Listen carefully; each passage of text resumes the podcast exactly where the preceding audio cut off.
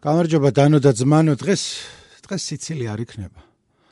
დღეს ღიმილი არ წაგწდებათ. როგორც ყოველთვის გწდებათ ხოლმე ჩვენი ამ პოდკასტის მოსმენის დროს იმიტომ რომ თქვენთვის მაქვს ცუდი ამბავი. ცუდი ამბავი რომელსაც აა გადავაწყდი. უკვე ერთი კვირა ხდება ხოლმე ჩემი მეგობრების გაზიარებული ბმული წარწერით თუ კომენტარით აი სადამდე დავედით. აი ესეც მოხდა. აი ესეც მოხდა. და ამაზე არ გაჩერდება. ალბათ გაინტერესებთ რა გამოიწვია ჩემი ესეთი. აუ რა кай ხამა მაქვს გენაცვალე. ჩემი რა, ჩემ ბრენდების ესეთი აღშფოთება. საქმე იმაშია რომ აუ არ არ ვიცი როგორ გითხრათ რა. არ ვიცი როგორ გითხრათ. იმედია სიხარ მან რა ყოველ შემთხვევაში ისე კლდესთან ახლოს არიდგე, იმიტომ რომ შეიძლება დაგიცდეს ფეხი როგორც კი გაიგებ ამ ამბავს. ახალ კონკიაში ფერი არის შავკანიანი გეი. ჩამოვედით.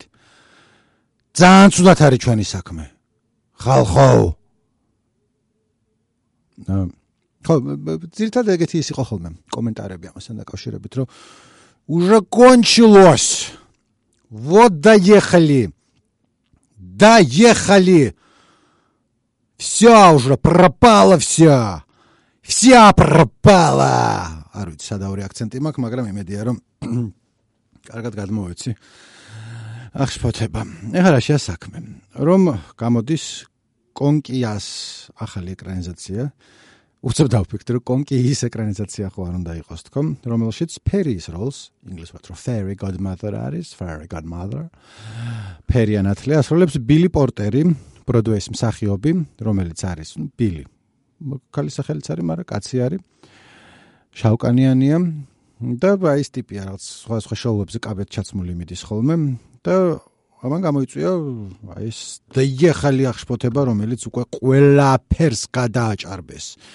ყველაფერს გადაჭარბეს კომუნისტებმა კალიფორნიაში.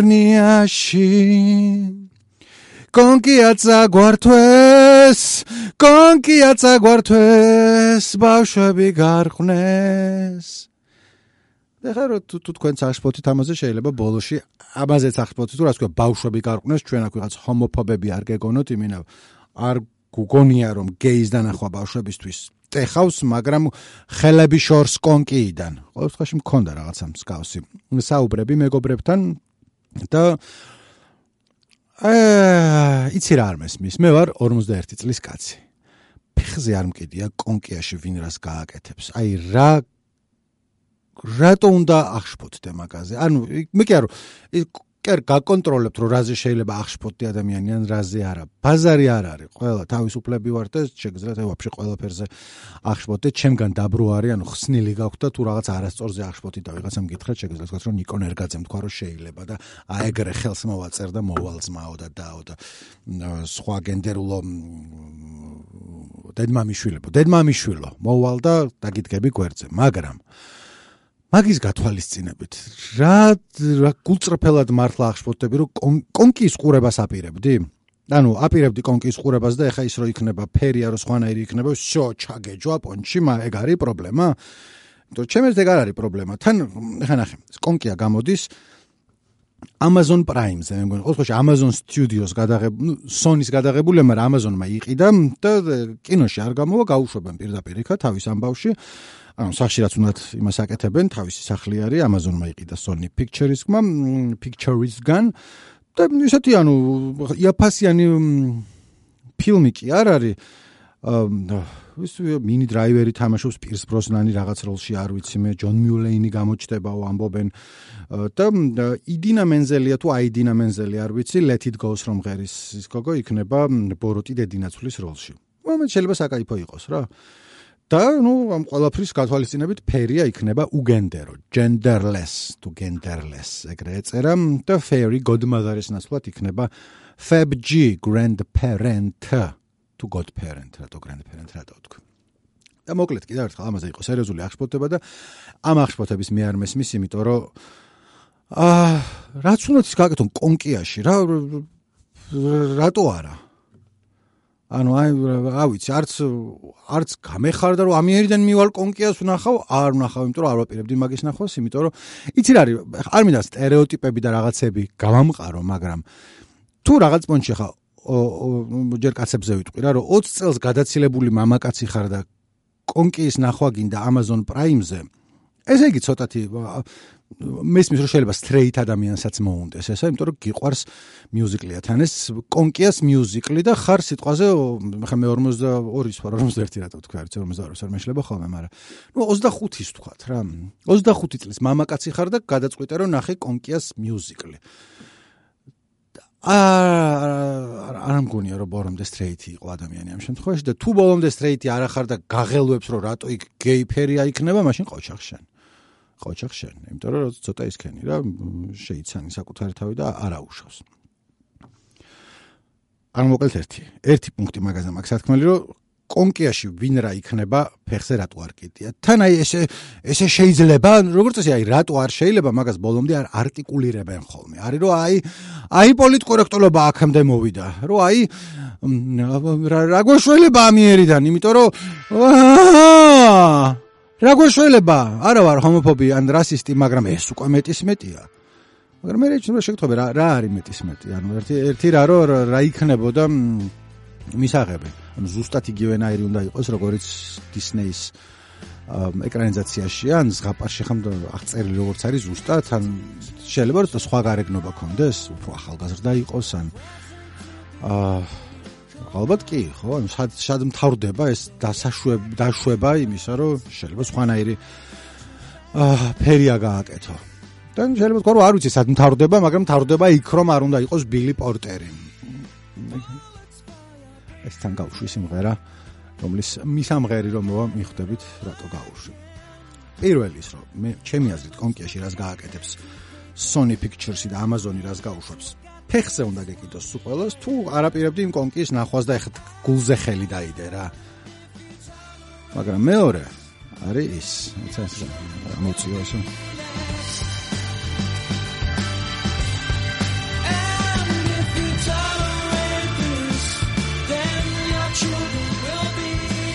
ამეთი რეფრენა წამოვიდო და if you tolerate this then your children will be next. ესეთი საშინელი მომავალი გველის.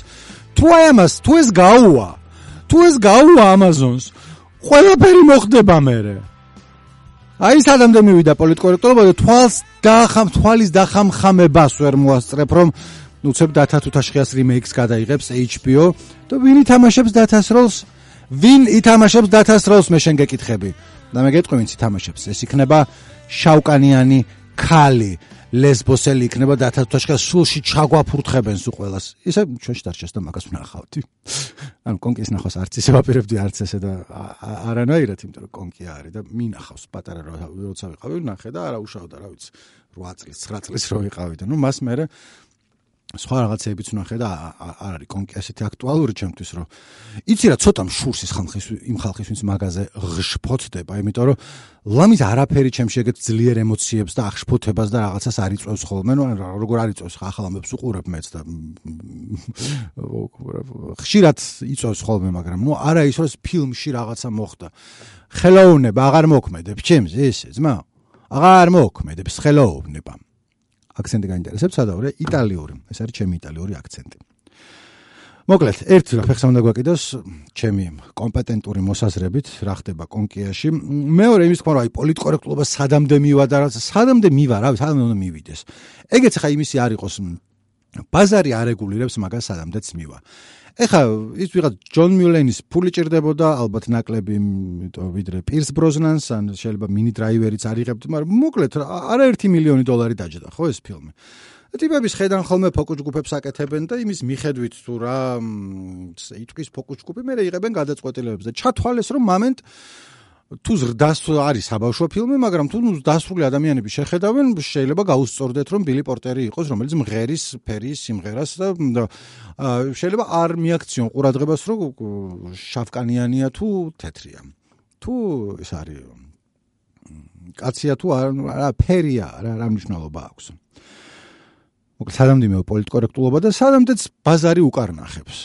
სადამდეც ჩათვლიან, რომ ეგრე არის საჭირო. აა ამ ჩემ ფეხებს. შემდეგი უკვე მივდივართ ხოლმე რომ ანუ ხო დანასტოშკას მოუბრუნდები ესე ყავს მაგალითად. დიდხანს კი არ შეგაწყენთ ამას უბრალოდ რავი რატომაც არა?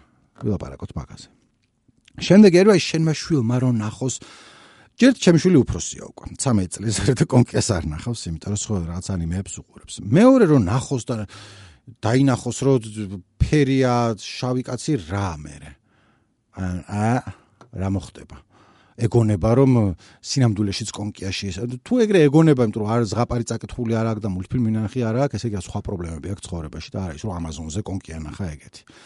ან მეორე კაი უმცროსი ბიჭია ხო ჩემი უფროსი გოგვარი უმცროსი ხუთის არის რომ ნახოს და აღმოაჩინოს რომ ბილი პორტერს ლამაზი კაბა აცვია და ჩათვალო ვა იფიქროს რომ ეს რა ანუ ხო იცი შეფარულად რომ ხომ რომ დაყვეს ჰომოსექსუალიზმის პროპაგანდას თუ რაღაც და მე საერთოდ არ მჯერა რომ ეგეთი რაღაცა არსებობს. ანუ ციპა თუ პატარა ბიჭი ხარ და შეხედე ვიღაცა მოხეულ კაცს, მოხეულ კაცს სიგულისხმობ კაიტანზე დგას ალბათ ფილიპორტი, არ მსახიობი ალბათ ვარჯიშობს, არ ვიცი მე.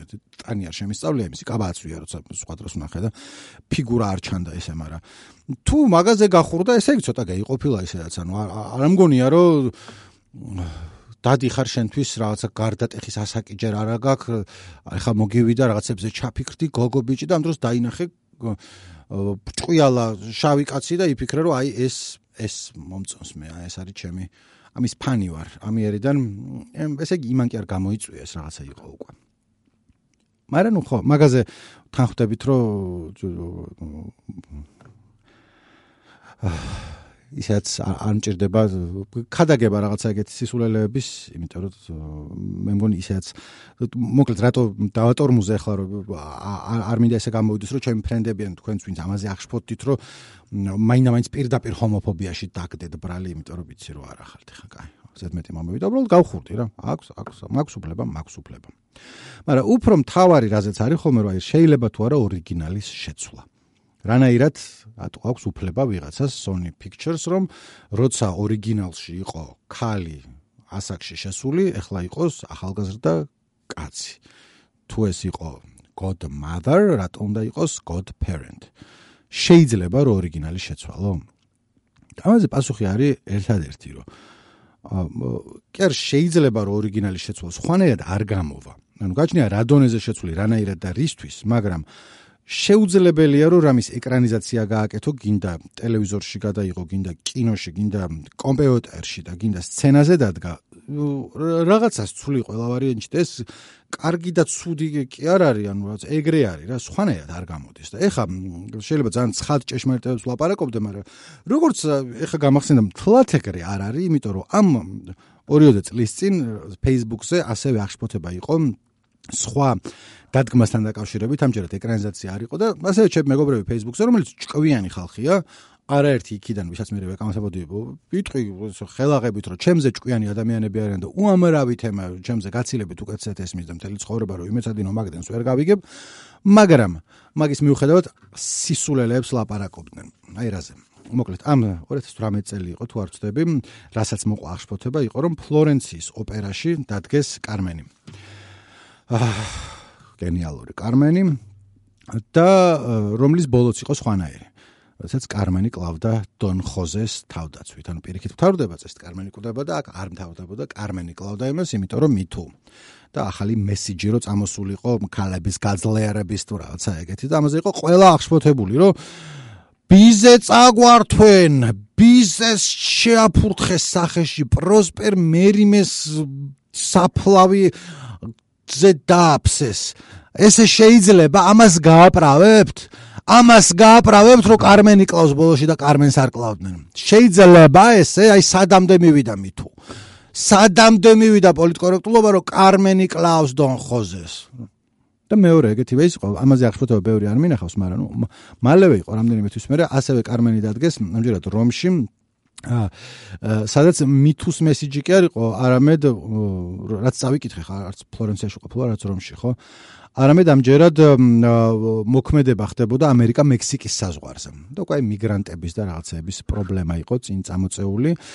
სადაც ხო ჩორის კეთევან ქემოკლიძე საქართველოში დაბადებული ესე წერა Republic of Georgia born. აა იყო კარმენი და იყო მოხსენიებული როგორც the most alluring mezzo soprano in the world right now. ასე რომ, ხო, მე მაგებში ვერ ვერკოვი, მაგრამ რო წავიკითხე ეს ციგნადება გამეხარდა. Yes. Yes, კეთილან კემოკლიძე. მარა, ხო, ამას მოუბრუნდეთ, რომ შეიძლება რომ ესე შეცვალო. შეიძლება. და კიდევ ერთხელ ამბობთ, რომ სხვანაირად არ გამოდის. ესე შეცვალო კი არა, ნუ შეუცვლელად. აა ჩემი არერთხელ მოლაპარაკია მაგაზე და თუ სადმე ერთად დაგვილებია ჭედავ ხოლმე ყოველთვის რომ დათათაშხე ახსენე თავი და დათხოვე ციგნი ჩემი ერთ-ერთი ყველა საყვარელი ციგნია. ბევრჯერ მაგ წაკითხული და ძალიან მიყვარს. ფილმი თუ სერიალი თუ რაც ქვია არ მიყვარს. ბევრი სხვა სხვა მიზეზის გამო არ შევალ მაგის დეტალებში, მაგრამ ერთ-ერთი არის თქვათ ის რომ დათა თუთაშხიას და მუშნის არანდიას სხვადასხვა მსახიობები თამაშობენ. რომელიც ციგნის წაკითხვის შემდეგ მე ყოველ შემთხვევაში დამჭერს დაბეჭდილება, რომ ჭაბუ ამირეჯები ცალსახად აღნიშნავდა, რომ ეს არის ერთი ადამიანის ორი მხარე. რომ როცა დათა თუთაშხია და მუშნის არანდია ერთმანეთს ებრძვიან და უპირისპირდებიან, საკუთარ თავთან ბრძოლაზე ალაპარაკი, რომელიც ხაზგასმული არის 20000 ჯერ ციგნში. 95 სცენა როცა ერთმანეთში ეშლებათ, იმიტომ რომ გაჭრილი ვაშლივით გვანან ერთმანეთს და სადღაც მუშნი გამოდის და დათა ეძახიან და დათა გამოდის და მუშნი ეძახიან და მოკლედ რა შემთხვევით ხო არ არის ეგ? სპეციალურად არის დაწერილი რომ ეს არის ერთი ადამიანის ორი მხარე და ამიტომ არ მესმის რატო არის სერიალში ორი სხვა სხვა მსახიობი. ხო? ჩემი აზრით ერთს უნდა ეთამაშა. მაგრამ ქონდა ავტორს უფლება რომ ესე გადაეწყვიტა იმიტომ რომ ეგრე დაინახა ჩემი აზრით შეცვალა ავტორის განზრახვა, რაც იყო იქიდან, მაგრამ რა შეცვალა რა რაღაცა ეგ არ იქნებოდა, რაღაცა სხვა იქნებოდა. ნებისმიერ მომენტში როცა მსახიობს აარჩევ შეიძლება არ იყოს ზუსტად ისეთი როგორც ციგში არის აღწერილი. მე რა, ციგნი ციგნია, ის ეკრანიზაცია ეკრანიზაცია. შეიძლება იყოს საერთოდ განსხვავებული ერთ-ერთი ყველაზე ცნობილი ქართული ძველი ფილმი, რაც არის მაგდანას ლურჯა, ხო? თენგიზ აბულაძე და რეზო ჩხეიძე. ესეთი საბჭოთა დროინდელი რეჟისორი, ტოპ ვინც ყოლია ქართველებს. და მაგდანას ლურჯა ფილმი სხვანაირად მთავრდება, ცუდად მთავრდება, ან ცუდად მე კი არ ვაფასებ, რომ ცუდად მთავრდება, არამედ ცუდ ტონ ლურჯას ართმევენ მაგდანას მთავრდება, როდესაც ეკატერინე გაბაშვილის ნაწარმოებში ლურჯა რჩება მაგდანას. რომელია სინამდვილეში, ანუ ეკატერინე გაბაშვილის ხსოვნა შერყნეს თენგიზ აბულაზ მრეზო ჩხეზე, მაგრამ ჩათვალეს რომ ესე იყო საჭირო, იმიტომ რომ როცა ეკრანიზაციას აკეთებდა, არ არის აუცილებელი რომ ზუსტად იგივე იყოს, რაც არის ციგნში, იმიტომ რომ რა ვიცი მე. ასევე რა ვიცი. აა ეხ გამოსდა სულ პატარა ვიყავი ალბათ 12 90 წელი რაღაცა ეგრე იყო როცა დეჩემა წამიყვანა მერტო მე მული მარატის სიკვდილი ერქვა და ავთო არსიმაშვილის დადგმული იყო. მაგრამ არ მახსოვს უბრალოდ რაღაცა მარატის ამბები იყო და მახსოვს როგორი შთაბეჭდილება მოახდინა რომ უყურებდი იმან რომ ასნერად დავინახე პარალელები იმ დროინდელ საქართველოს არსებულ ვითარებასთან და რო უყურებდი პატარა ბავშვიც კი მივხვდი რომ კი არ იყო საფრანგეთის რევოლუციაზე და მარატზე და რაღაცებზე, არამედ იყო საქართველოსზე. შეიძლება ხავთო არსმე შუს ყვილა მივაწერე და არ ვიცი ვისი რა დიდი ხნის წინ იყო ძალიან, მაგრამ ნუ მახსოვს რომ შტაბეჭდილება მოახდინა.